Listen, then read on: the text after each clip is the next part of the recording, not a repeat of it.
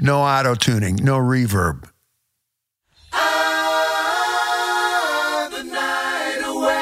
and only about five and a half years of constant, endless, endless practice.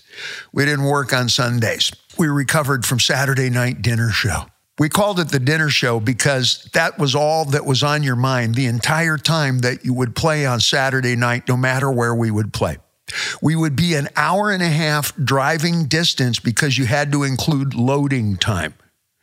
Aerosmith, when they drove their ancient van into Las Vegas for the Aerosmith Conquers Las Vegas start of their run had the van that they loaded their original equipment into. And when they slid the door, it would go. And Steven goes, I remember that sound. And he stared at it, and you could tell he was going back in time. How many thousands of times did he hear that door slide shut about 45 minutes to an hour and a half after the show? Because you had to load your own gear. I heard the same thing from the back of Ed's blue Dodge van. He had the same doors. Boom, boom. Time for dinner. And dinner meant mm, we would start off at about 2:30 and we would drive from wherever we were. We might be out in San Bernardino as far south as uh, San Diego and as far north as Santa Barbara. You know all these names. You can look these up. But that's as far as our little cars would take us. And on more than several occasions, I would run out of gas because I had put the money into a cool new pair of shoes or repairing a microphone. Or Ed or somebody hopefully might come along and see that I had pulled over at the gas station between here and the Golden West Ballroom down on Huntington Boulevard because it happened happened to me, I think, three times specifically. And after the first time, I told him, use the turnoff. If I'm not there, just get back on the freeway and go. Because at that time, there were no phones and there were no lights on that segment of the freeway. So you felt like you were Lindbergh crossing the ocean. It would be black, black, black for almost an hour. And if you ran out of gas, there was one off ramp with one gas station that opened up at eight in the morning. And after the first time, them knocking on the window, they got to know me because I invited them to the gig. But if I made it, we gathered at the Denny's on Rosemead Boulevard. Ah, and for the first time that week, we had dinner the Saturday night supper club or the dinner show that led up to it usually had the band. And remember, we were at the top of our game. It was 1975. Here comes the champion of the world, Muhammad Ali. President of the Philippines will introduce. A roar goes up as uh, Ali. The top of our game.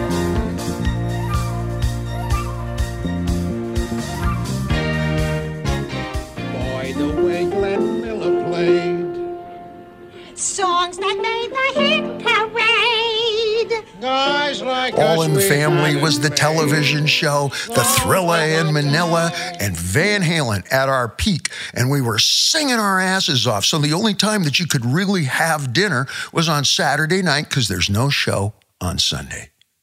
And we would gather at Denny's and get everything on the menu and order doubles of it. The first time that we showed up, the old gals, these waitresses, would flip out and go, Oh my God, the Hells Angels showed up. Except we had these incredible super surf girls. Come on, it comes with a few benefits. We lived with the terror of the unforeseen finish. Jesus, we watched all of our friends go to college, join the military, start traveling, get their lives started. And we spent five and a half years wondering, are we really going to dance the night away? Well, our version of lifestyles of the rich and painless started on Saturday night at Denny's over at the top of Rosemead, still there. And you would order everything from both sides of the menu, including extra butters, extra syrups, extra toasts, and everything. And we would call that dinner part two and part three because you would spend all of Sunday eating. Monday and Tuesday, vocal practice.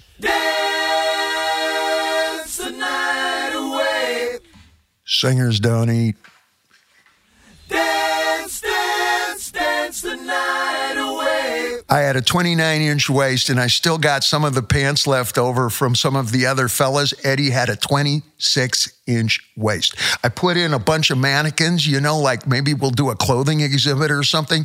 And the only mannequins Tom's podcast. Tom is sitting over here. He'll not because the, the house is full of black, female, high fashion mannequins, which are the only ones that would fit into our show clothes at that time. My arm barely fits into the leg of the pants that Eddie wore. Talk about dancing the night away. We danced our entire body weight away you had to be danceable or you didn't get work. And if you didn't get work, you had to really go to work. And it was imperative that we make this happen. Somebody said to me the other day, We want to do a movie, and you come into the backyard, you know, like Wahlberg sees somebody and he says, I can sing and you can play, or the guy from Queen says, you can, You're great, but you need me and you'll be greater. That's not what happened with us at all. I said to him, You got to be able to dance or the floor isn't packed. And if the floor ain't packed, the check don't get cashed, just like it says in the Torah. We think so. We don't know. We may never know. But it says it somewhere. And this is 1975. I just turned 21. I had the full Farrah Fawcett haircut, F3, baby. Oh, I look good. Don't laugh at my haircut because today my haircut back then would have had its own Instagram. My memory's good, but it's getting shorter with age, so it's even funnier if I've been laboring under an illusion and living a lie this entire time. But as I remember, when I turned 21, it was Get Down Tonight by KC and the Sunshine Band, and you should have heard my band play the cover off the ball on that shit, because it wasn't no fun kind of, oh, let's just sort of have a random run at the ball here. It wasn't a wedding band version we were a lot closer. My fucking rhythm section, Al and Mike Anthony, were a lot closer to Tower of fucking Power than it was of KC and the Sunshine Band. The first song that we played for an audition and we effing killed it was Get Down Tonight by the Isley Brothers. Slam on some Tower of Power, baby. Tell me what's hip.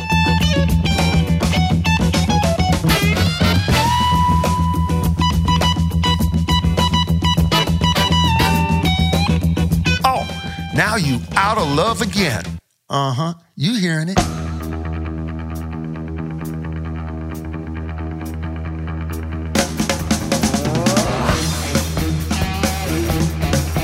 I was also coming from the background where on Sunday nights I was parking in my little Opel Kadett station wagon outside of the Ice House, very famous uh, Bob Stane's Ice House in Pasadena. And Sunday nights, if you signed up at six o'clock, depending on what time you signed up at, is the time that you would go on at after the last act finished on a Sunday night. It was audition night. But for most of us, it was more like battery acid drenched training because Bob Stane never showed his face. He was just a voice heckling over the loud intercom system.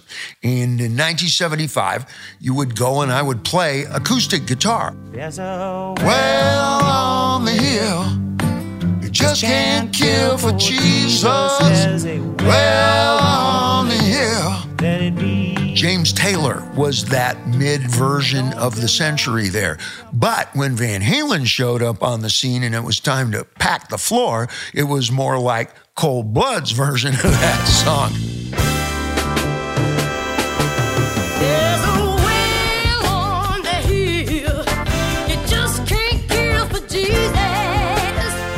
You're listening to Lydia Pence in the background. Most of my vocal mentors, my imitators, I thought the bar would be a lot higher if I was imitating a voice like that, if I was using that as my launch point. That's Lydia Pence in the background here. And if Lydia wasn't strong enough, then we dealt with Loleatta Holloway.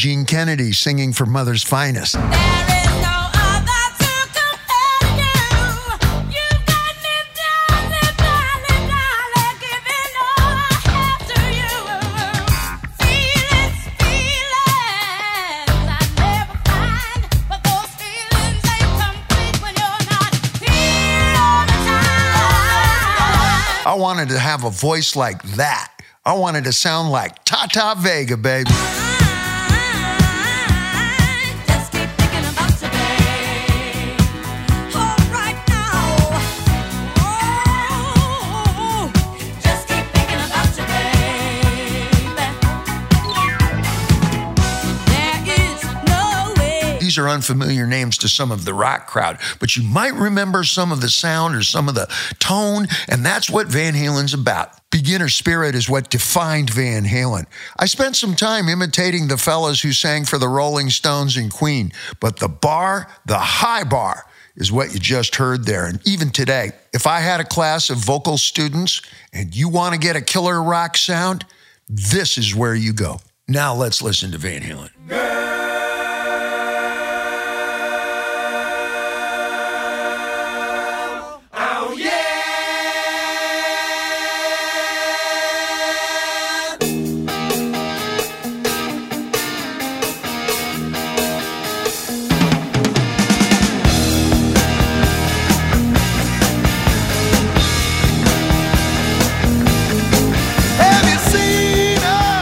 Feel it from 10 blocks away. That's how far away you had to park when the Van Halen brothers played.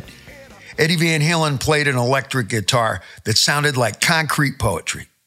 His solo sounded like heated mercury or some kind of pure California candy. And when he handled that whammy bar, no shit, always reminded me of Stevie Wonder on roller skates. Insensitive? Too early for insensitive. Wow! wow. Whoa! Look out, Steve! Very superstitious. Single stack Marshall Gold Top Lester gas pedal clutch and no brakes at all. To that boy. Trick question. What's the most important first ingredient in any great rock band? The drummer. He alone who possesses the immaculate groove, who floats like a butterfly, stings like a B 52. Dance floor is packed, check gets cash, just like it says in the Torah. Simple as Ringo, colorful as Al. The truly great win that one name Keith, Charlie, Bonham, and Al. to me, it was instantly apparent, clearly evident as the day is bright. I was exactly what this band needed. There's a reason they named the most powerful energy drink on the shelf after our job description. Full disclosure. This career contains violence, nudity, and constant peril, usually by happy hour. So we increased the length of happy hour from 5 till February. Welcome to Diamond Dave's Tiki Bunker, where the debris meets the sea. Tonight, the Van Halen story.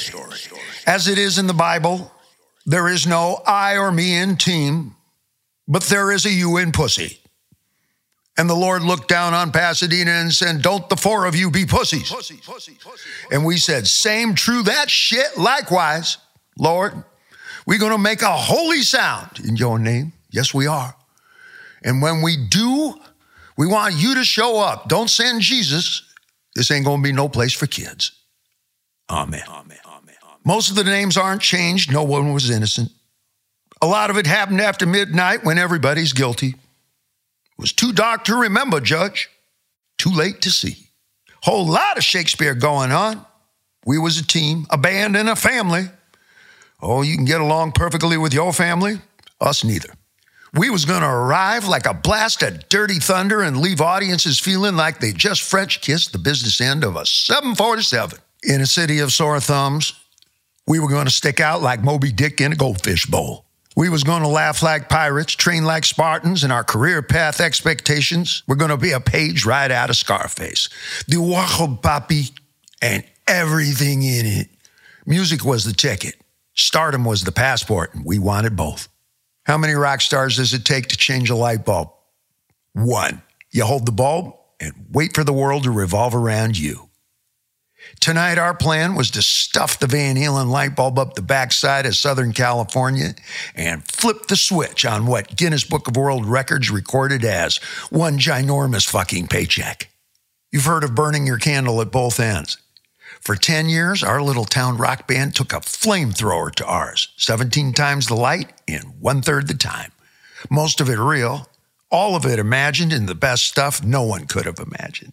How many rock bands does it take to change a light bulb? Answer one to change the bulb, and about 20 fucking million on the guest list. Hammer! Rock and roll.